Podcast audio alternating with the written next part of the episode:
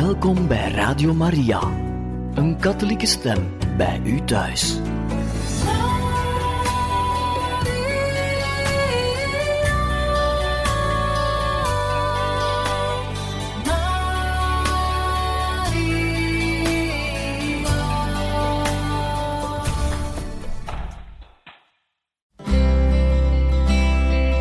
Welkom bij Boekat, een programma van Radio Maria.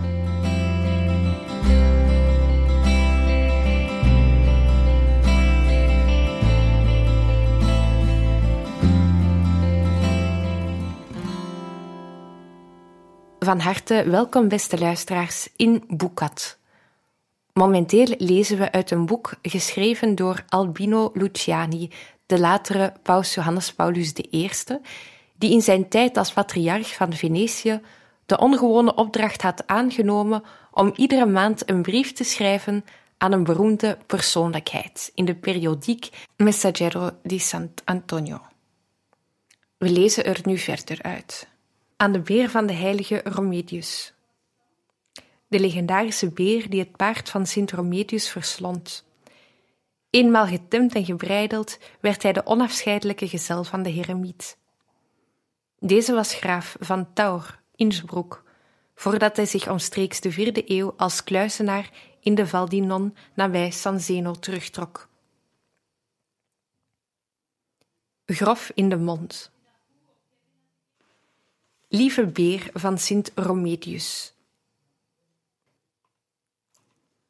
Elke goede moordenaar heeft wel ergens een altaar. Daaraan moest ik denken toen ik vorige maand langs San Zeno in Val di Non kwam. Ik zei dan ook bij mezelf: twee kilometer van hier, in een kleine vallei, ingesloten door hoge rotsen die doen denken aan de canyons van het Colorado-gebergte, ligt het heiligdom van Sint Romedius. Je voorouders legden tientallen kilometers te voet af om het te bezoeken.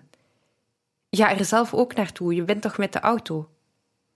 Wat ik dan ook heb gedaan. Er gaat een suggestieve kracht uit van het heiligdom met zijn zes boven elkaar gebouwde kerken en met het rotsterras dat als een balkon het indrukwekkende ravijn beheerst.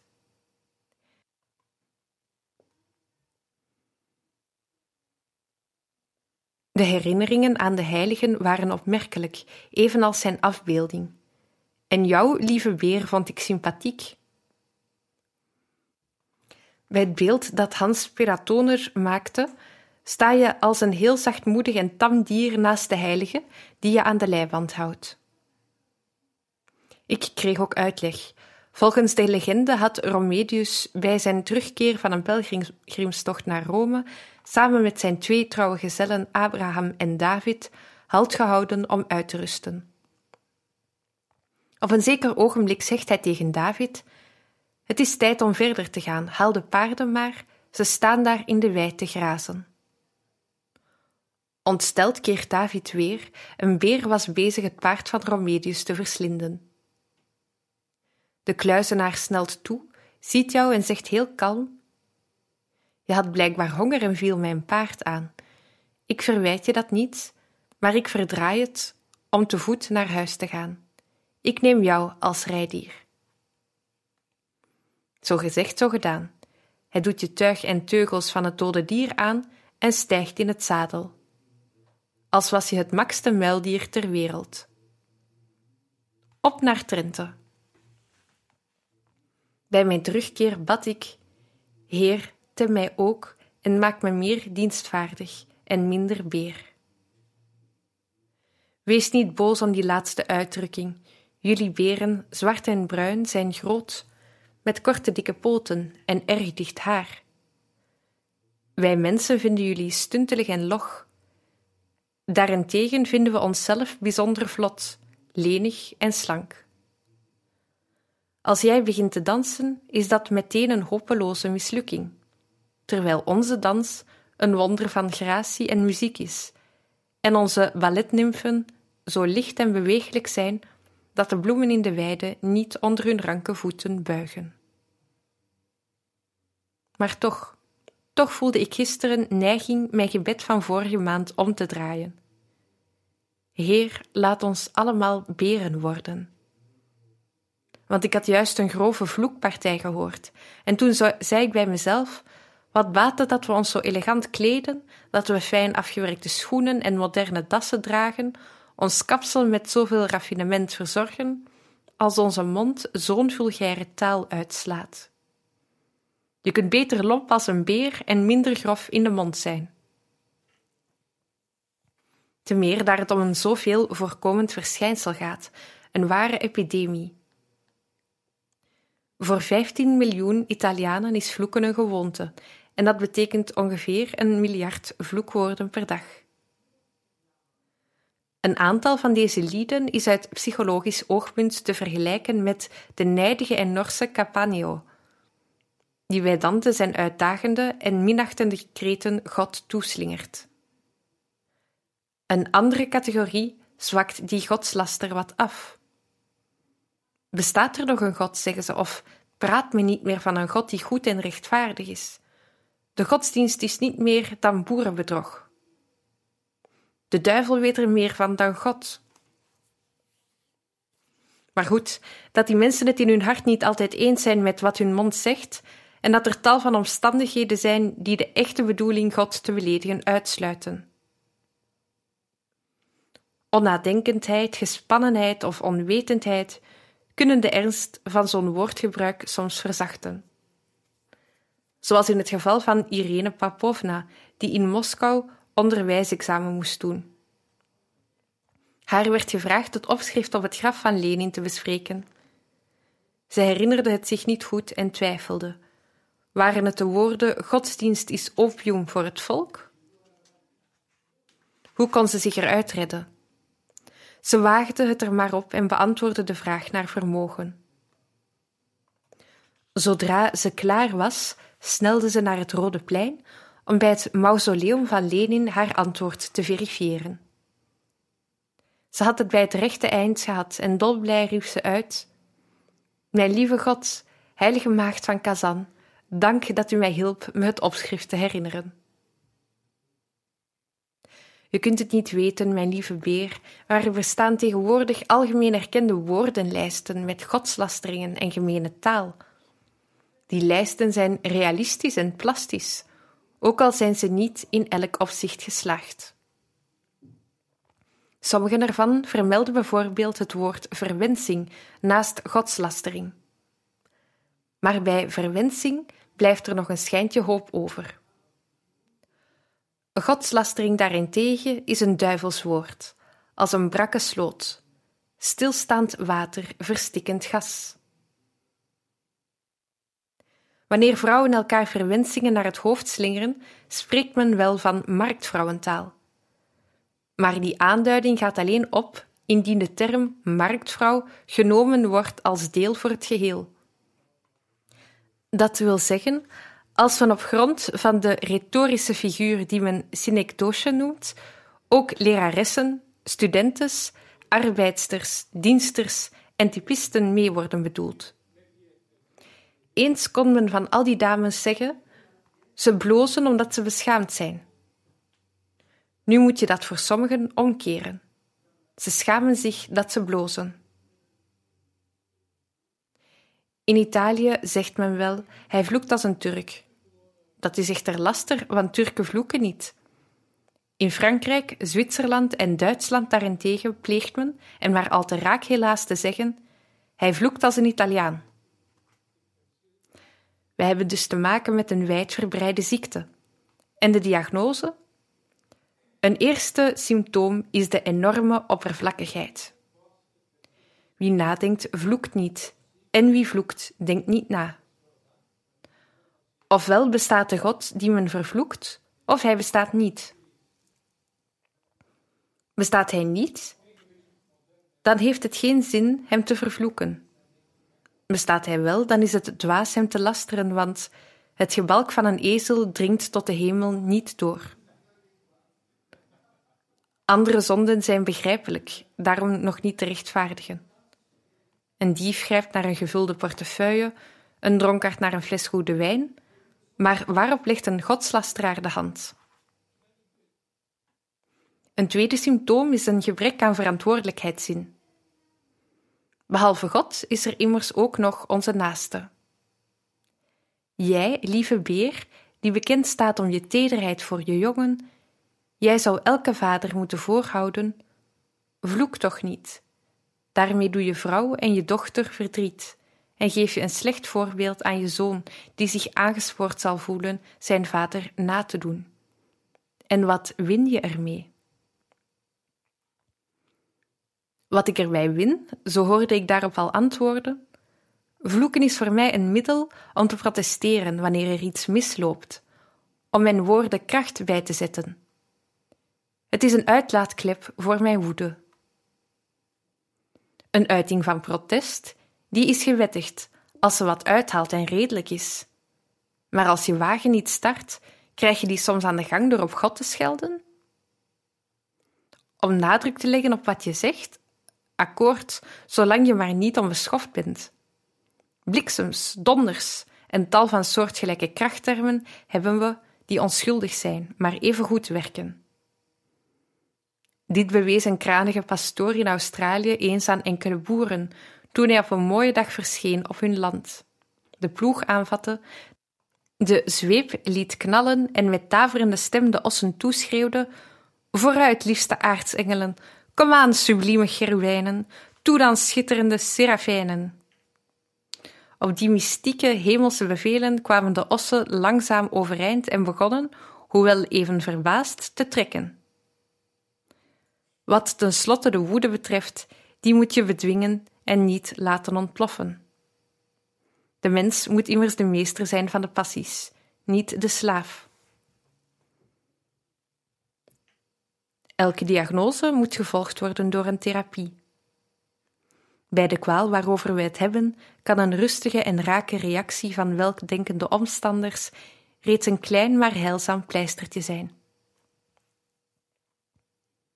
Een pater, een man als jouw meester, zat eens in een treincoupé, machteloos en verdrietig te luisteren hoe twee brutale apen met hun gevloek elkaar probeerden te overtroeven. Opeens gniffelde een van de twee: Pater, ik moet u iets ergs vertellen. De duivel is dood. Wat vind ik dat erg, antwoordde het patertje. Van harte gecondoleerd. Gecondoleerd, zei de pater. Waarom? riepen beide jongens tegelijk. Ik heb zo met jullie te doen, nu jullie wees zijn geworden. De goede pater had een vleugje ironie niet kunnen onderdrukken. Maar we moeten de godlasteraars en vooral de jongeren onder hen niet benaderen met ironie, maar met belangstelling, begrip, bereidwilligheid en daadwerkelijke hulp. Wij allen, hun gezellen en vrienden, hun superieuren en familieleden, moeten hen, vol tact en fijngevoeligheid en vol respect voor hun persoon, helpen met vriendschappelijke raad of een stille wenk, met een berisping en soms ook een bestraffing. Het redmiddel bij uitstek bestaat er echter hierin dat zij zelf het besluit nemen zich met vastberadenheid en volharding van hun slechte gewoonte te ontdoen. Daarbij dus anders te werk gaande dan de tuinman van Trilussa. De tuinman die, zodra hem ook een haar maar in de weg lag, te vloeken aanving zonder weerga, van sacredit en alle duivels ja. Maar op een keer dat hij weer zo vloekte, sprong daar opeens de duivel voor de dag en greep hem bij zijn broek juist aan de zijde, waar hij bij ambtenaren het eerst gaat slijten. Toen hij zich door de lucht voelde zweven, bad onze tuinman vol schrik en beven: God, Christus Heer, o heilige Maagd Maria, aan u beveel ik mij, Madonna mia. Bij het horen van die namen, kon niet anders, is Satans prooi hem uit de hand gegleden en viel de tuinman pijlsnel naar beneden. Juist op een hooimeid, zonder schram of scha, had ik geluk, zo riep hij prompt daarna. Ja, sacredit en alle duivels, ja. Lieve beer van Sint Romedius, Trilussa maakte natuurlijk maar een grapje en bedoelde dat men juist het tegendeel moet doen: beloven niet te vloeken en dat dan ook volhouden. Sper je muil open en verkondig vanuit je bedevaartsoord die boodschap aan alle Italianen, zo luid je kunt. December 1972. Noi siamo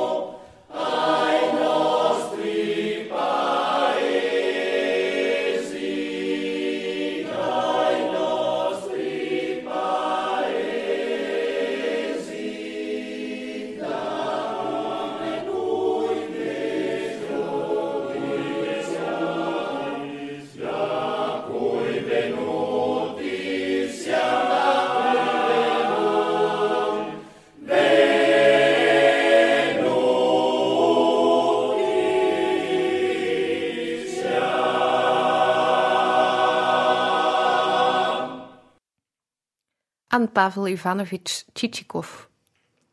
Pavel Ivanovich Chichikov is een zonderlinge figuur uit Gogol's Dode Zielen. Die gouden zaken doet dankzij een enorme leugen. Nikolai Vassiljevich Gogol is een van de populairste figuren van de Russische literatuur. Hij leefde van 1809 tot 1852. Als meedogenloos waarnemer, begaafd met een subtiele en veelzijdige psychologische gevoeligheid, brengt hij in zijn verhalen een massa kleinzielige, bekrompen en verwaande personages tot leven. De tijd der bedriegers. Meneer Tchitchikov. Volgens het visitekaartje dat u bij binnenkomst aan de hotelbediende overhandigde, bent u raadsheer. Een titel evenwaardig aan die van een kolonel in het leger van de tsaar. Zoals Gogol u beschrijft, bent u niet mooi, maar ook niet lelijk. Niet te dik, noch te dun. Niet te oud en toch niet zo jong meer. Wel loopt u rond met een meesterlijk plan.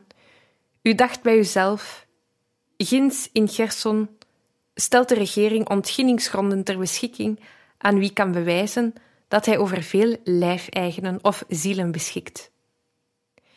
Niet zo lang geleden brak er een epidemie uit die het leven kostte aan een aantal lijfeigenen, aan vele zelfs, gode zij dank, zonder dat daarvan overlijdensaangifte gedaan werd, waardoor zij in het bevolkingsregister dus nog onder de levenden staan. Van deze laatste omstandigheid zal ik profiteren ik koop van uw bazen die geregistreerde levende zielen, al zijn het in werkelijkheid dode zielen, en overhandig een lijst met hun namen aan de regering. Zo komen de gronden in mijn bezit en word ik fantastisch rijk. Na uw bagage in het hotel afgegeven te hebben, begint u onmiddellijk een aantal bezoeken af te leggen in de stad. Aan de gouverneur vertelt u terloops dat zijn district net een paradijs is, met een fluwelen straatbedekking. En dat regeringen die intelligente ambtenaren zoals hem in dienst nemen, een monument verdienen. Bij het hoofd van de politie maakt u vleiende opmerkingen over de stadsagenten. In een gesprek met de vice-gouverneur en de president van de rechtbank laat u zich de aanspreektitel excellentie ontvallen. Een vergissing uiteraard, maar beiden voelen zich gevleid. Resultaat van voorgaande stappen: de gouverneur nodigt u binnen een week uit op een avondje bij hem thuis.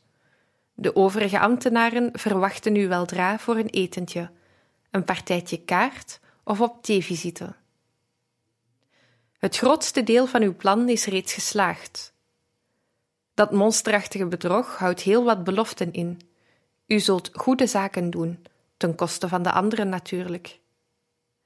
Daar ligt nu precies de zwakke plek.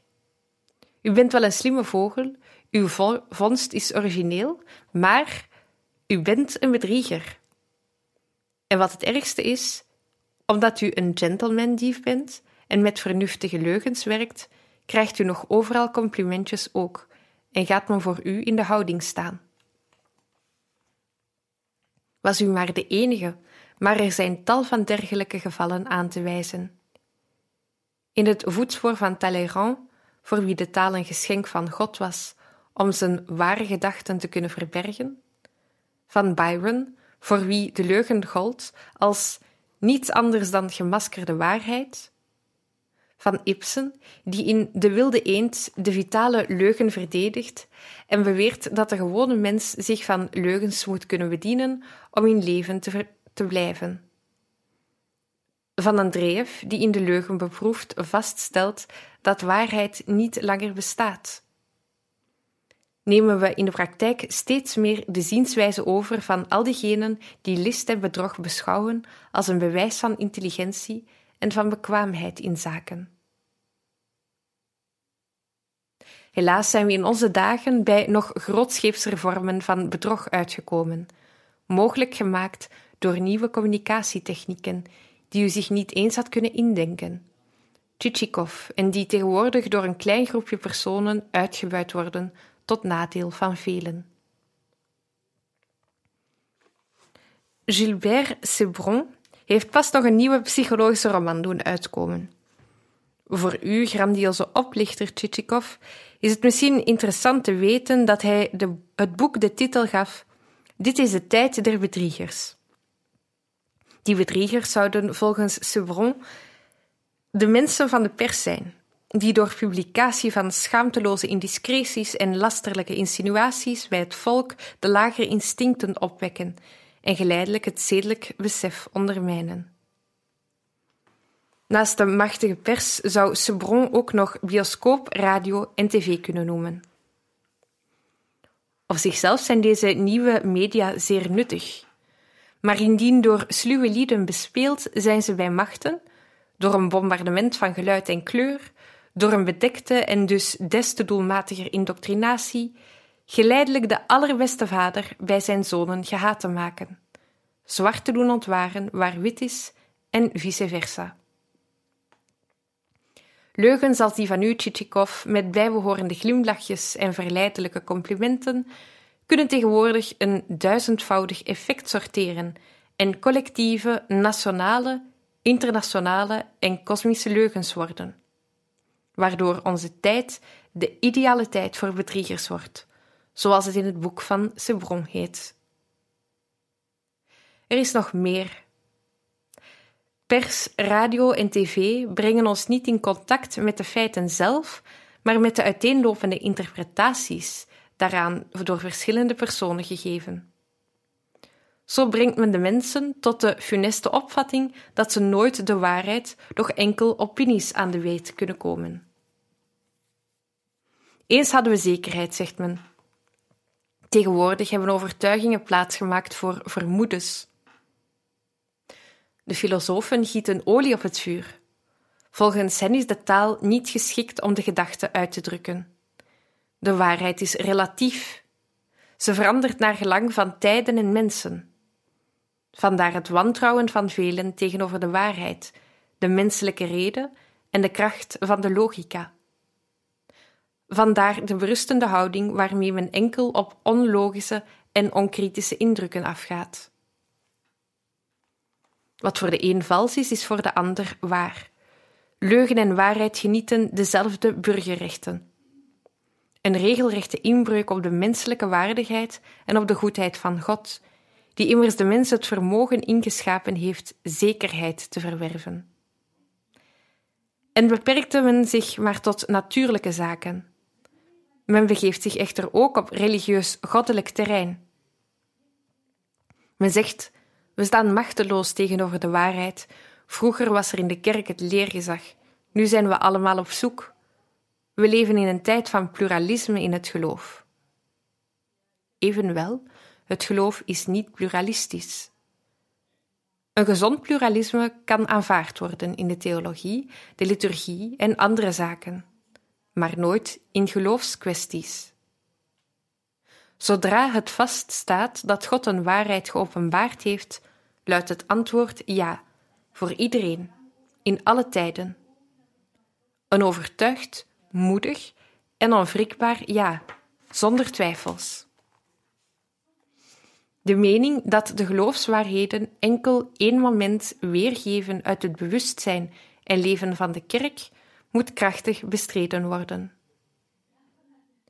De waarheden blijven steeds geldig, al worden ze wel geleidelijk uitgedrukt in nieuwe verwoordingen die gemakkelijker ingang vinden en beter aangepast zijn aan de moderne tijd. Wat de autoriteit van de kerkelijke leer betreft, die was er binnen bepaalde grenzen in het verleden en is er heden nog. Anders bleef de kerk niet langer apostolisch.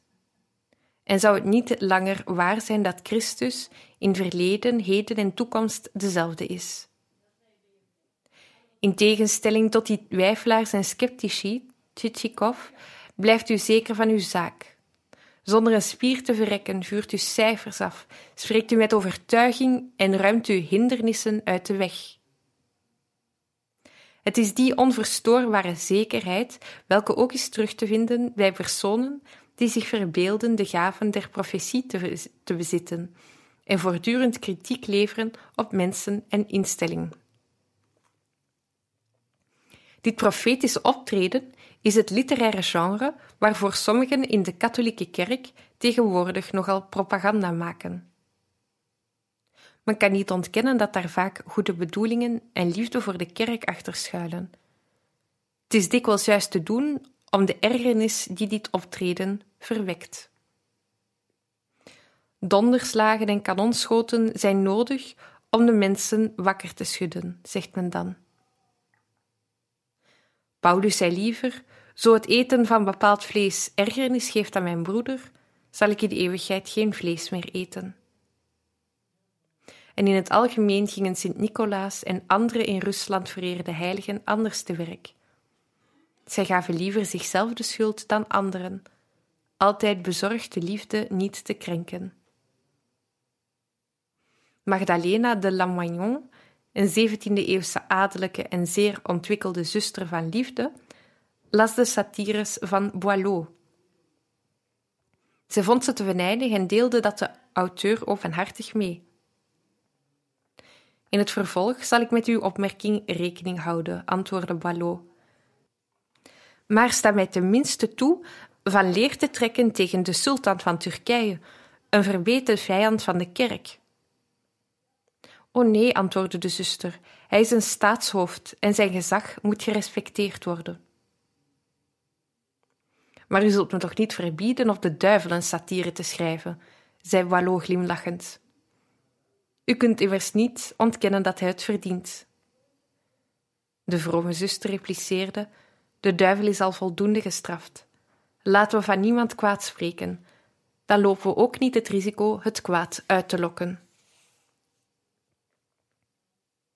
Was het misschien om datzelfde risico te vermijden dat iedereen het volste vertrouwen in u stelde, Tchitchikov? Anderen gaat het niet zo voor de wind als u. Zelfs als ze de waarheid spreken, gelooft men het niet. Dit overkwam die soldaat die aan een been gewond was en aan een krijgsmakker naast hem vroeg hem naar de medische post te brengen. Tijdens het transport gebeurde het evenwel dat het hoofd van de gewonde finaal werd afgerukt door een kanonskogel. De hulpvaardige kameraad had er niets van gemerkt en bij de chirurg aangekomen kreeg hij te horen: Wat moet ik met een man zonder hoofd? Toen pas keek hij naar het lichaam en riep uit: Die gemene leugenaar, en dan te bedenken dat hij me heeft willen wijsmaken dat hij gewond was aan zijn been. Ook hier biedt de gulden middenweg een oplossing. Heb geen blind en grenzeloos vertrouwen in ieder woord of in iedere daad van anderen. Maar wees ook niet overdreven wantrouwig en verdenk niet iedereen zomaar van leugens. Een politieinspecteur vermeed het eerste, uiterste, blind vertrouwen toen hij twee mannen die in overal loden buizen op een vrachtwagen aan het laden waren, liet arresteren. Waaruit leidde je af dat het dieven waren en geen werklui? vroeg men hem. Hij antwoordde: Voor werklui werkten ze met de hart. Overdreven wantrouwen daarentegen was de fout waarin die arts verviel toen hij tegen een collega zei: Ik leen je geen geld, want ik vertrouw niemand. Al vroeg Sint-Petrus in eigen persoon maar maar tienduizend lieren met als borg de handtekening van de Allerheiligste Drievuldigheid, dan kreeg hij nog geen stuiver. Wantrouwig was ook Mark Twain voor een jonge dame die hem herhaaldelijk lastig gevallen had met het verzoek iets in haar album te zetten. Schreef hij het volgende neer: Lieg nooit, waar hij even nadenkend aan toevoegde, behalve om het niet af te leren. Raadsheer Tchitschikov. Gogol vertelde hoe u u opmakend om uw grote zwendel te gaan verwerkelijken, eerst een kruisteken sloeg op zijn Russisch. Voor uw leugenachtig ondernemen hebt u dus eerst hem aanroepen, die gekomen is om getuigenis af te leggen van de waarheid, die de waarheid is en die gezegd heeft: laat uw ja een ja zijn en uw nee een nee. Waarheid en leugen hebt u zo op een onvoorstelbare manier met elkaar verweven. Dit vormt bij uw bedrog wel het meest pijnlijke detail. Omdat wij een authentiek christendom nastreven, proberen wij het tegengestelde te doen van wat u deed. Wij zijn voor een leven zonder huichelarij of dubbelhartigheid. Het zij gezegd, sans rancune januari 1973.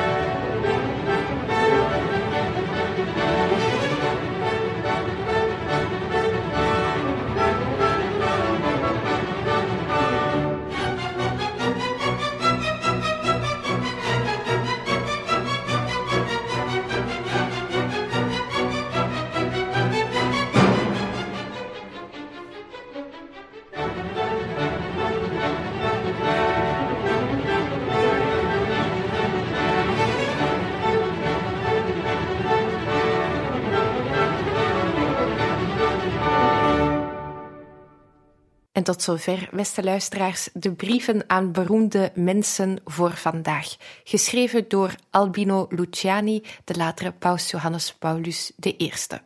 Radio Maria wenst u nog een mooie dag toe en veel luisterplezier.